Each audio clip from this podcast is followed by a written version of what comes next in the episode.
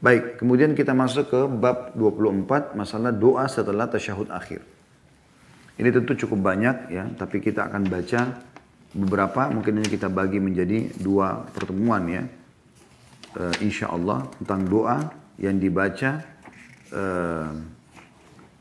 setelah tasyahud akhir sebelum salam.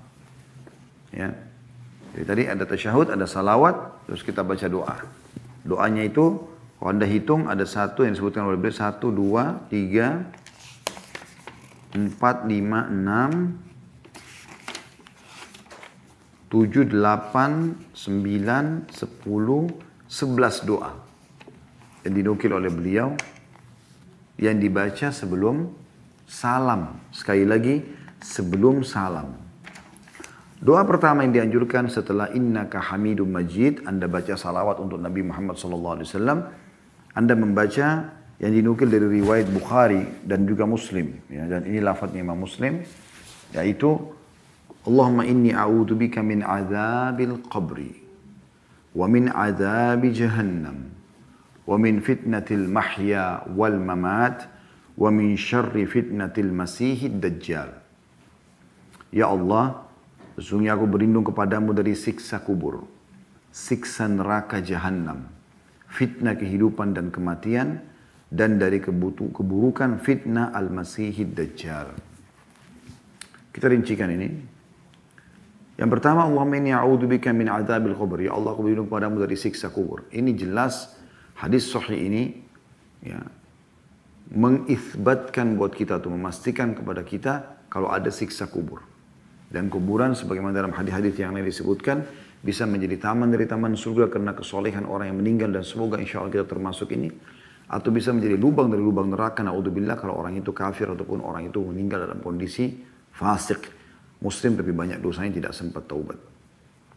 Semoga Allah selamatkan kita ini. Nah, dalam riwayat lain disebutkan Nabi SAW memastikan masalah itu. Ya. pada saat beliau melewati sebuah kuburan lalu beliau mengatakan sesungguhnya kuburan-kuburan dipenuhi dengan kegelapan dan dia diterangi dengan membaca salawat kepada aku sallallahu alaihi wasallam. Kemudian juga beliau pernah menjelaskan dalam sebuah hadis kalau roh seorang mukmin keluar dari jasadnya akan keluar maka akan datang tiga malaikat, dua malaikat kasih sayang di kiri kanannya membawa kain kafan dari surga, satu malaikat maut di ubun-ubun kepalanya yang akan ya, mengatakan hai jiwa yang baik keluarlah kepada pengampunan dan rahmat Tuhanmu. Lalu belum sesaat dia keluar langsung di uh, bungkus dengan kain kafan oleh malaikat rahmat di sebelahnya, sebelah kanannya, kemudian membawanya naik ke langit dan semua malaikat berharap roh itu lewat di sisi mereka karena mengeluarkan bau lebih wangi dari bau kasturi. Semoga kita termasuk insya Allah ini. Kemudian malaikat-malaikat ini bertanya pada malaikat yang membawanya, siapa ini? Ruh, siapa ruh ini? Sungguh mulia ruh ini. Kata malaikat rahmat yang membawanya ini adalah uh, Fulan bin Fulan disebutkan namanya yang paling mulia di dunia, yang paling baik. Kemudian uh, terdengar suara dari langit Allah subhanahu wa ta'ala mengatakan catatkan hambaku ini termasuk penghuni surga karena dia termasuk orang-orang saleh dan kembalikan dari dunia di sana saya ciptakan di sana pula saya akan bangkitkan. Maka di antar ruhnya bersama dengan jenazahnya diantar oleh kerabatnya. Kata Nabi SAW tiga langkah pengantarnya pulang dia masih bisa meninggalkan langkahnya. Setelah tiga langkah sudah nggak bisa lagi. Kemudian datang malaikat mendudukkan dia ya mungkar nakir di kuburan lalu menanyakan kepada dia siapa Tuhanmu, siapa Nabimu, apa kitabmu. Kalau dia orang beriman, dia akan jawab dengan mudah kata Nabi SAW. Lalu Nabi SAW membacakan firman Allah Subhanahu Wa Taala, "A'udzu billahi minasyaitonir rajim. Yuthabbitu Allahu alladziina aamanu bil qawli tsabit fil hayatid dunya wa fil akhirah." Allah akan menetapkan jawaban di lisan orang-orang beriman di kehidupan dunia maupun di akhirat. Makna kehidupan dunia adalah kalau dia sedang belajar Ya, ya, kalau dia sedang ditanya tentang kenapa kamu sholat, kenapa kamu puasa, kenapa kamu zakat, kenapa kamu haji, kenapa kamu umroh, kenapa bakti sama orang tua. Dia punya jawabannya, karena Allah turunkan wahyu. Di akhirat maksudnya di kuburan, pertanyaan para malaikat. Di dunia wal akhirat gitu. Maka di sini teman-teman sekalian, kata Nabi SAW, dia akan jawab lalu dibukakan pintu neraka bagi dia ketakutan lihat api panas, panasnya api neraka. Lalu malaikat mengatakan, lihat dari apa Allah selamatkan dirimu. Ditutup lalu dibuka pintu surga. Setelah dibuka, tercium baunya, bau wanginya, segala macam. Dia kagum. Malaikat mengatakan ini tempat kau sekarang. Maka si mayit pun berdoa kepada Allah SWT, Ya Allah cepatkan waktu karena aku ingin masuk ke dalam surgaku.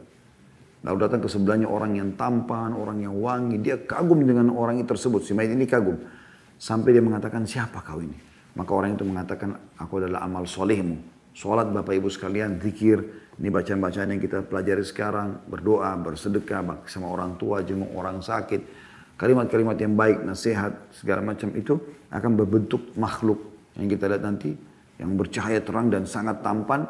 Dia mengatakan, saya adalah amal soleh yang akan menemani kau sampai hari kiamat.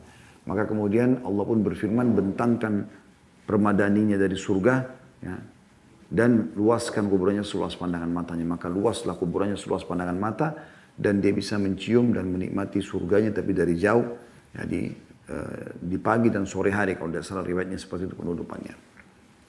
Maka jadi kuburannya taman dari taman surga. Kalau dia orang fasik, orang kafir, orang yang kufur kepada Allah SWT, maka akan datang kepada malaikat tiga malaikat penyiksa di kiri kanan yang membawa kain kafan dari neraka. Kemudian di malaikat maut di ubun-ubun kepalanya mengatakan, hai jiwa yang busuk keluar kepada kemurkaan Tuhanmu. Maka dia tidak mau keluar, dia uh, menyebar di tubuhnya. Maka malaikat menarik dengan cara paksa, kata Nabi SAW. Yang menghantam wajah dan bokong mereka disebutkan dalam surah Al-Anfal. Ya.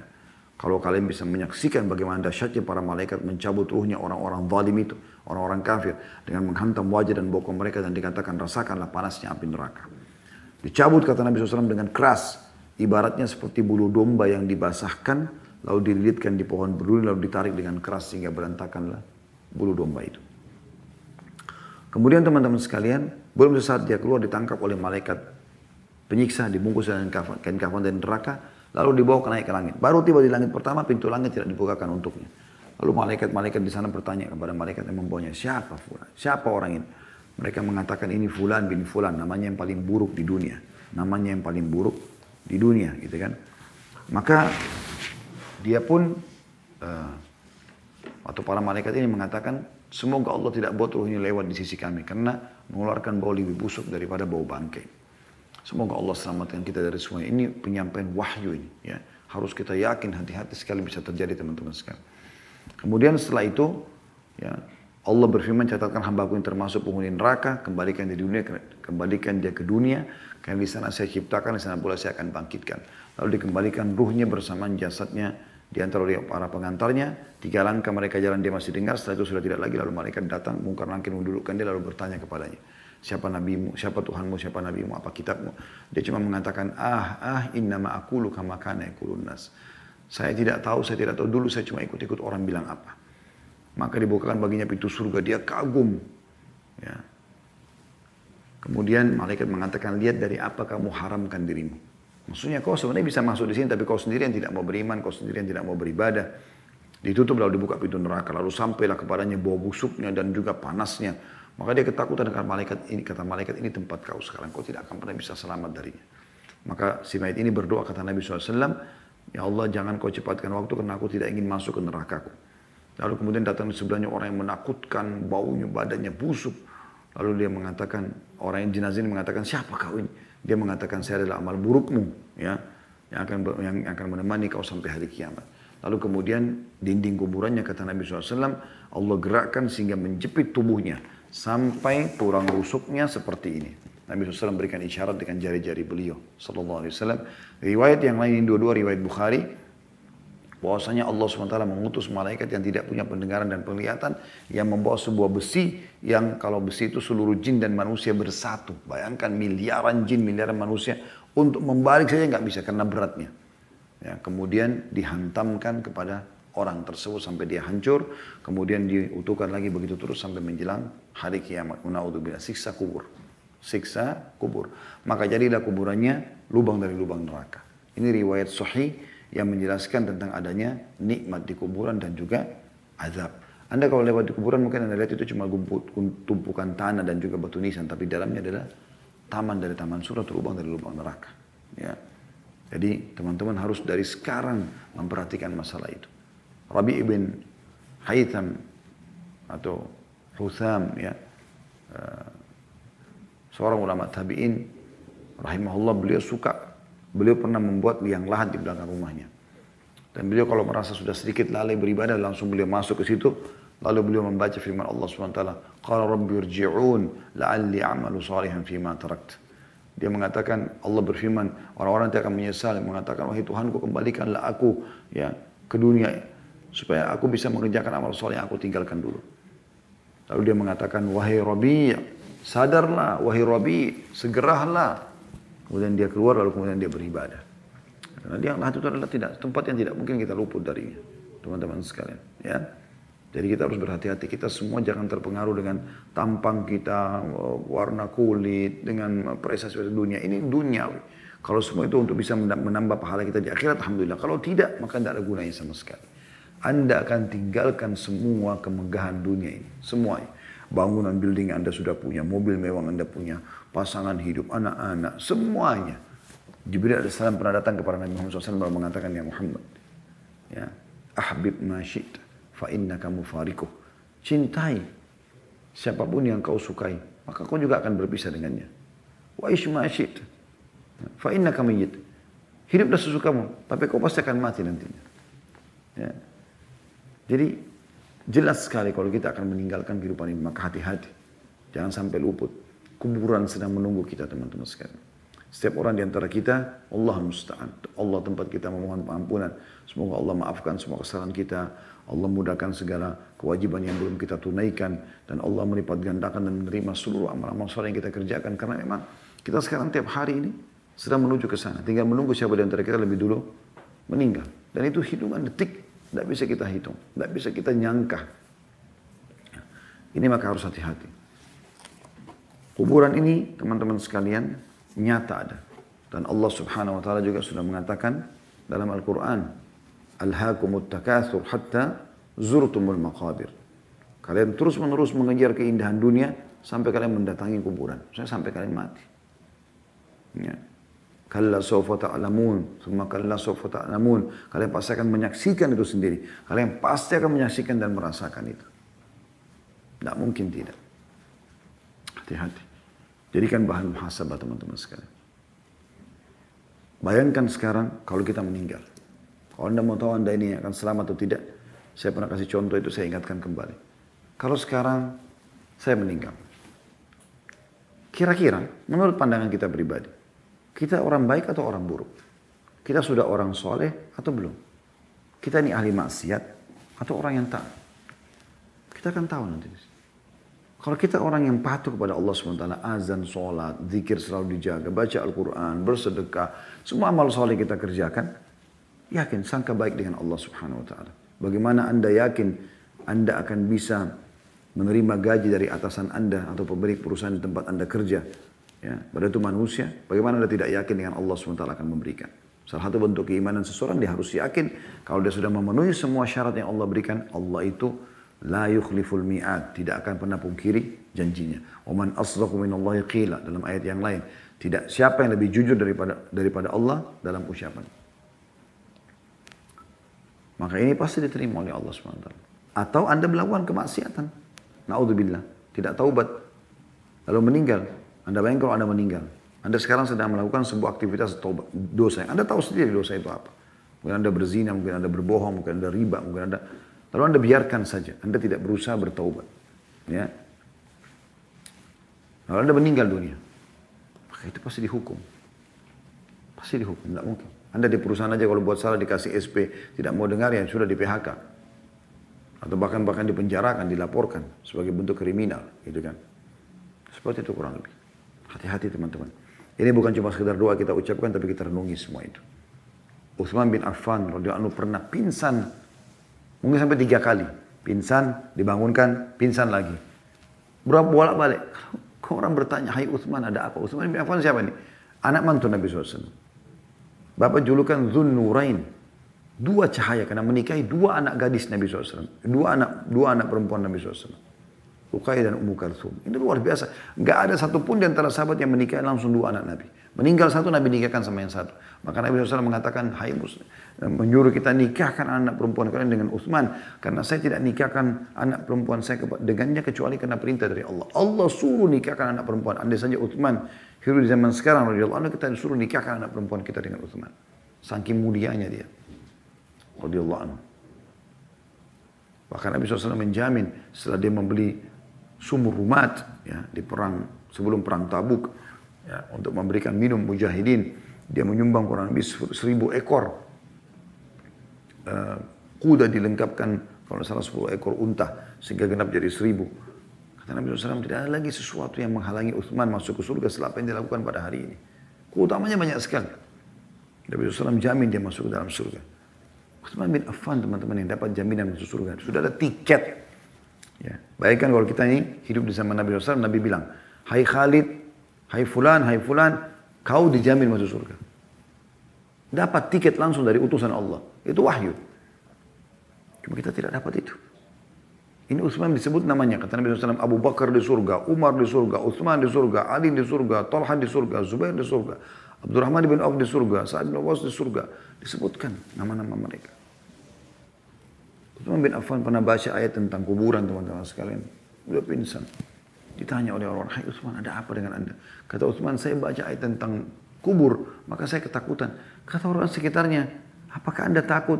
Wa anta anta, maksudnya kau ini siapa? Mereka tahu betul kedudukan Utsman dapat jaminan surga segala macam sebagaimana sudah kita sebutkan tadi. Masa kau masih takut? Apa kata Utsman radhiyallahu Rasulullah SAW menjamin untukku masuk ke dalam surga. Tapi belum ada jaminan untuk aku selamat dari siksa kubur. Maksudnya bisa saya aku disiksa nanti pak, disiksa di sini nanti aku masuk surga bisa, bisa terjadi. Dan, karena dosa apa pun bisa menjadi penyebab siksa kubur. Walaupun nanti setelah hisab hari kiamat mungkin ada pemaafan mungkin segala macam dia bisa selamat ke surga. Kalau dia orang muslim. Seperti itu. Makanya teman-teman kita disuruh anjurkan baca selalu. Ya Allah selamatkan aku dari siksa kubur. Selamatkan aku dari siksa kubur. Kita minta itu. Yang kedua, min azabi jahannam. Ini lebih besar lagi. Dan selamatkan aku dari siksa neraka jahannam. Teman-teman sekalian, sekecil apa pun dosa kita sudah cukup mendatangkan siksa dari Allah SWT. Bagaimana dengan dosa yang besar? Bagaimana dosa yang terus berulang? Allah musta'an. Semoga Allah selamatkan kita. Semoga masa lalu kita semuanya Allah tutupi ya, aib-aib kita, kekurangan kita dengan kemahaluasan ilmunya Allah subhanahu wa ta'ala. Dengan kasih sayangnya. Dan Allah ganti dosa-dosa kita menjadi pahala.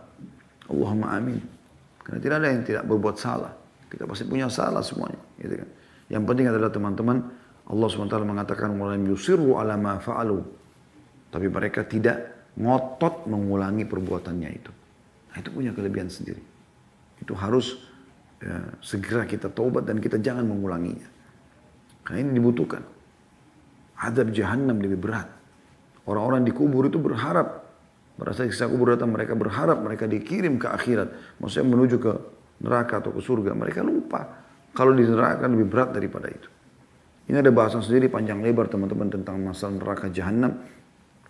Itu di bahasan uh, ada di YouTube di playlist insya Allah tentang neraka jahanam. Ada 30 pasal lebih tentang teriakan ahli neraka, minuman mereka, makanan mereka. Penyesalan, penyesalan, penyesalan. Hanya karena tidak mau sholat yang lima menit. Hanya karena tidak mau puasa yang setahun sekali. Hanya tidak mau pergi haji padahal karena ketakutan-ketakutan bisnisnya nanti tidak boleh tinggalkan, tidak bisa jalan. Hanya karena tidak mau zakat karena dianggap tidak penting. Ini semua. Atau membatalkan syahadatnya dengan melakukan kesyirikan-kesyirikan kepada Allah. Pergi ke dukun, pakai jimat, pelaris dan segala macam. Allah musta'an. Allah tempat kita minta tolong. Ini berbahaya teman-teman sekalian. Siksa jahannam berat. Berat sekali. Kata Nabi SAW, orang yang paling ringan siksanya di neraka jahannam adalah Abu Talib, paman beliau sendiri. Dalam hadis sahih. Diriwayatkan oleh Ibnu Abbas radhiyallahu anhu dia diberikan dua sandal dari api neraka yang membuat otaknya mendidih. Sandal apa teman-teman sekalian yang dipakai bisa otak mendidih. Kita injak saja bara api, belum tentu otak kita bisa mendidih. Tapi ini subhanallah saking panasnya, sampai satu badan itu semuanya jadi panas sehingga membuat otak bisa mendidih. Allah musta'an. Ini yang paling ringan. Bayangkan kalau yang paling besar bagaimana. Orang banyak sekarang bicara, oh nggak apa-apa disiksa. Karena dia belum merasa. Ambil korek gas coba, korek gas kecil. Bakar coba jari anda nih, ya. renungi. Kalau anda mau rasa. Sedikit aja bagian atasnya, udah panas. Berapa detik aja. Kalau kita biarin satu menit atau dua menit mungkin bisa mati tangan kita. Mungkin butuh operasi. Ya. Kalau kita biarin lagi mungkin bisa hangus seluruh tubuh kita. Jadi jangan anggap remeh. Orang banyak ngomong sombongkan diri karena belum merasain. Ditonjok aja sama manusia kesakitan. Ditendang aja sama manusia sudah kesakitan. Digores pakai pisau sedikit sudah kesakitan. Di neraka jahanam disetrikakan padanya api-api panas itu. Di dahinya timah-timah panas, minumannya nanah di neraka, air yang mendidih. Wa na'udzubillah. Na'udzubillah min dhalik. Siksaan yang luar biasa. Insya Allah tidak ada halangan. Saya akan usahakan di pekan depan kita akan singgung tentang neraka jahanam ini, ya, insya Allah. Saya lihat kalau masih ada waktu sebentar ya, tapi kalau sudah tidak ada, saya melihat waktunya agak kepepet, kita akan bahas nanti di pertemuan atau Senin akan datang insya Allah. Kemudian saya lanjutkan, wa min fitnatil mahya wal mamat dan jauhkanlah kami dari fitnah kehidupan dan fitnah kematian. Fitnah kehidupan semua yang kita tidak sukai dalam kehidupan disilakan dengan fitnah, ya.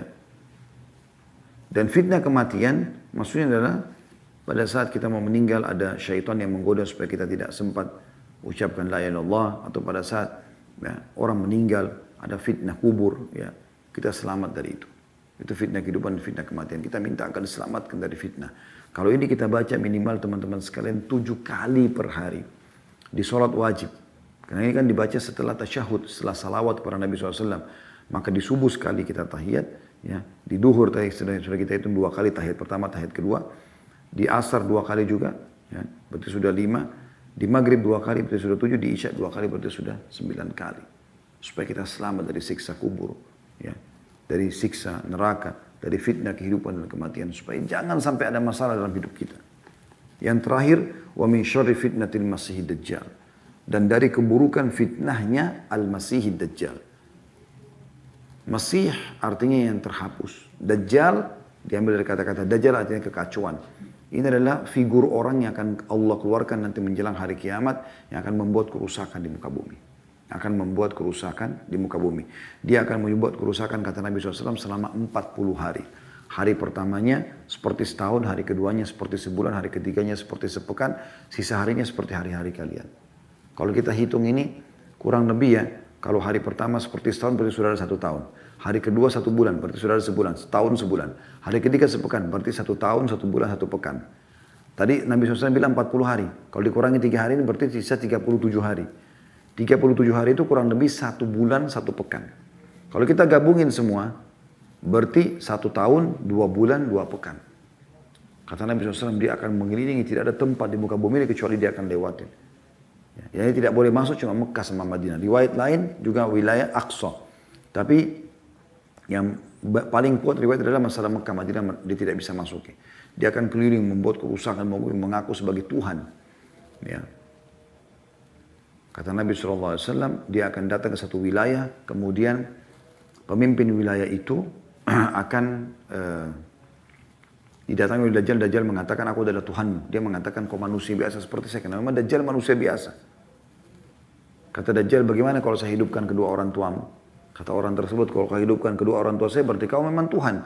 Maka kata Dajjal, kumpulkan orang-orang di sini dan tunjukkan mana kuburannya. Ditunjukkan. Kata Dajjal, keluarlah. Maka keluarlah kedua orang tua orang tersebut, pemimpin wilayah tersebut lalu mengatakan, Hai anakku, ini adalah Tuhanmu, ikutilah dia.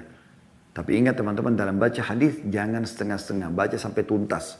Kata Nabi SAW, dan yang keluar dari kuburan itu adalah kedua syaitan yang menjelma untuk mendukung Dajjal. Jadi bukan kedua orang tua itu. Maka orang orang itu tersebut dengan seluruh wilayahnya mengikuti Dajjal dan mengaku Dajjal sebagai Tuhan. Ini fitnah yang sangat besar. Sampai kata Nabi SAW, kalau kalian dengarkan Dajjal keluar dari sebuah tempat, maka larilah, selamatkanlah diri kalian. Jangan kalian mengatakan imanku kuat, maka ternyata dia jadi pengikutnya. Dia jadi pengikutnya. Berat cobaannya. Maka kita minta diselamatkan dari fitnah Dajjal. Kata Nabi Muhammad SAW, tidak ada satupun Nabi kecuali mengingatkan tentang bahayanya Dajjal. Jadi ini penting sekali teman-teman sekalian untuk digaris bawahi ya. Kemudian saya akan tutup dengan doa yang kedua karena ini mirip Allahumma inni a'udzubika min adzabil qabr. Ini sama tadi ya Allah selamatkan aku dari fit, eh, dari dari siksa kubur wa a'udzubika min fitnatil masih dajjal. Nah, di sini di lafaz pertama dajjal di akhir, di sini dajjal yang kedua. Langsung setelah azab kubur langsung minta ya Allah selamatkan aku dari fitnah ad-dajjal. Tadi orang yang buat kerusakan di muka bumi ya. ya. Wa a'udzubika min fitnatil mahya wal mamat. Ini tetap di posisi nomor di urutan tiga Dan ya Allah aku berlindung kepadamu dari dari fitnah kehidupan dan kematian. Allahumma inni a'udzubika minal ma'thami wal maghram. Nah, ini tambahannya. Ya Allah, aku mohon kepadamu agar engkau menyelamatkan aku dari dosa-dosa dan terlilit utang. Nah ini teman-teman sekalian tujuh kali kita minta sehari. Kalau sholat wajib, belum sholat sunnahnya ya. Eh, maaf, sembilan kali tadi. Berarti teman-teman sekalian, kita minta agar selama kita sholat antara subuh ke duhur, kita selamat dari dosa dan utang. Duhur ke asar, selamat dari dosa dan utang. Asar ke maghrib, selamat dari dosa dan utang. Maghrib ke Isya, selamat dari dosa. Isya ke subuh, selamat dari dosa dan utang. Kira-kira dari mana kita bisa utang dan kita buat dosa kalau seperti ini? Karena kita selalu baca. Wa'udhu bika minal ma'athami wal maghram. Ya Allah jauhkan aku dari segala jenis dosa dan juga hutang atau terlilit utang. Dan ini sebuah keutamaan yang luar biasa. Ya. Dosa itu penghancur kehidupan. Dosa itu racun dalam kehidupan. Seseorang harus segera menjauhinya. Lihat dari jauh langsung lari.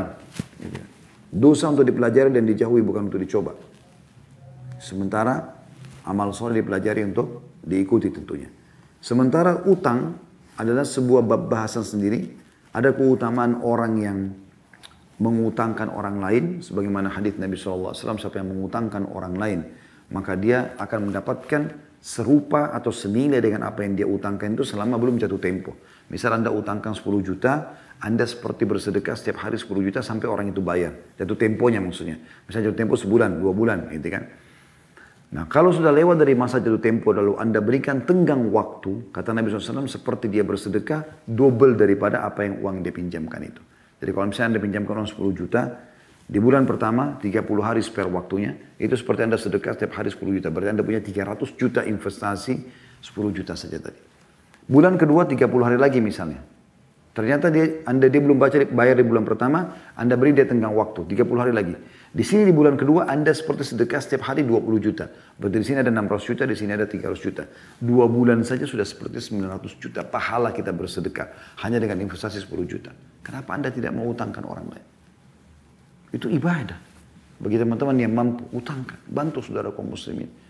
Dan kata Nabi SAW, siapa yang mengutangkan orang lain, atau memberikan tenggang waktu atau memaafkannya pada saat dia itu orang yang tidak mampu maka dia akan mendapat naungan Allah di hari kiamat tidak ada naungan kecuali naungan Allah Sa'ad bin Ubadah radhiyallahu anhu khusus di atas rumahnya teriak-teriak zaman dulu belum ada medsos siapa yang butuh utang silakan datang utang diutangkan sama dia begitu tiba jatuh tempo waktunya mereka datang mau bayar kata dia kami tidak akan menerima apa yang sudah kami keluarkan kami sudah halalkan jadi dia dapat pahala mengutangkan orang dapat pahala juga memaafkan utang itu Begitu luar biasa mereka mengejar pahala. Ya, itu kalau orang memberikan utang. Tentu banyak sekali keutamanya. Anda bisa ketik di Google tentang keutamaan mengutangkan orang akan keluar banyak sekali dalilnya. Kalau orang yang utang, ini ada rincian. Anda utang harus ada maksud dan tujuan. Kalau Anda butuh betul-betul dengan niat ingin membayarnya, sebagaimana sabda Nabi SAW, siapa yang utang niat ingin membayar, Allah akan mudahkan dia membayarnya. Gitu kan?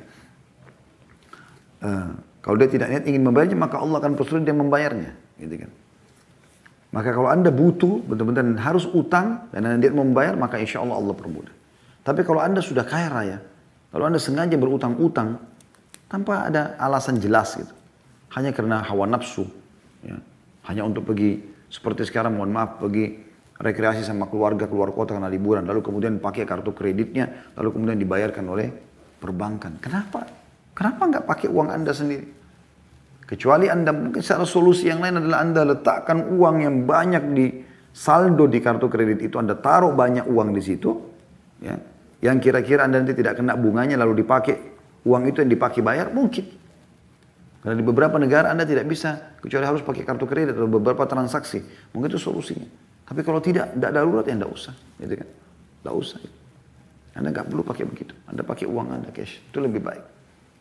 Ada orang subhanallah semuanya. Odolnya, sikat giginya, sabunnya, samponya, handuknya, pakaian dalamnya, makanan, semua garam, tempe, daging, semuanya riba.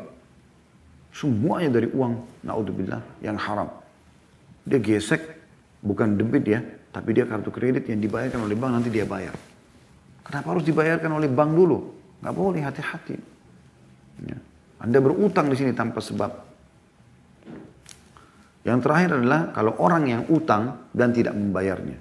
Kata Nabi SAW, Demi zat jiwa Muhammad dalam genggamannya, maksudnya demi Allah. Kalau seseorang itu terbunuh mati syahid, lalu dia hidup. Lalu terbunuh mati syahid, lalu hidup. Lalu terbunuh mati syahid, lalu dia hidup. Tiga kali mati syahid. Maka tidak akan diterima oleh Allah SWT selama dia masih punya utang. Kata Nabi SAW, semua orang yang mati syahid, semua dosanya dimaafkan kecuali utangnya. Maka nggak boleh main-main dengan utang. Makanya kita mohon kepada Allah SWT agar dilunasi utangnya. Allah alam. Ini bahasan kita insya Allah.